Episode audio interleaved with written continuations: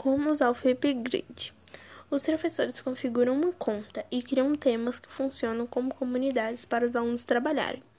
Os alunos criam uma conta para entrar no aplicativo e colocam o ID que o professor passa, o código, que é para eles entrarem na sala.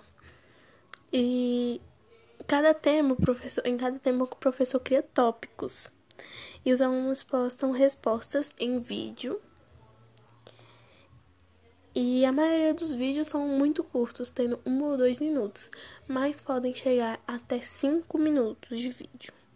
O Flipgrid pode ser usado com os alunos do ensino infantil, ensino médio, ensino fundamental, universidade, faculdade, ou então mesmo você pode utilizar na sua família para aprendizado em conjunto. Você vai aprender junto com a sua família ali na sua casa por um aplicativo.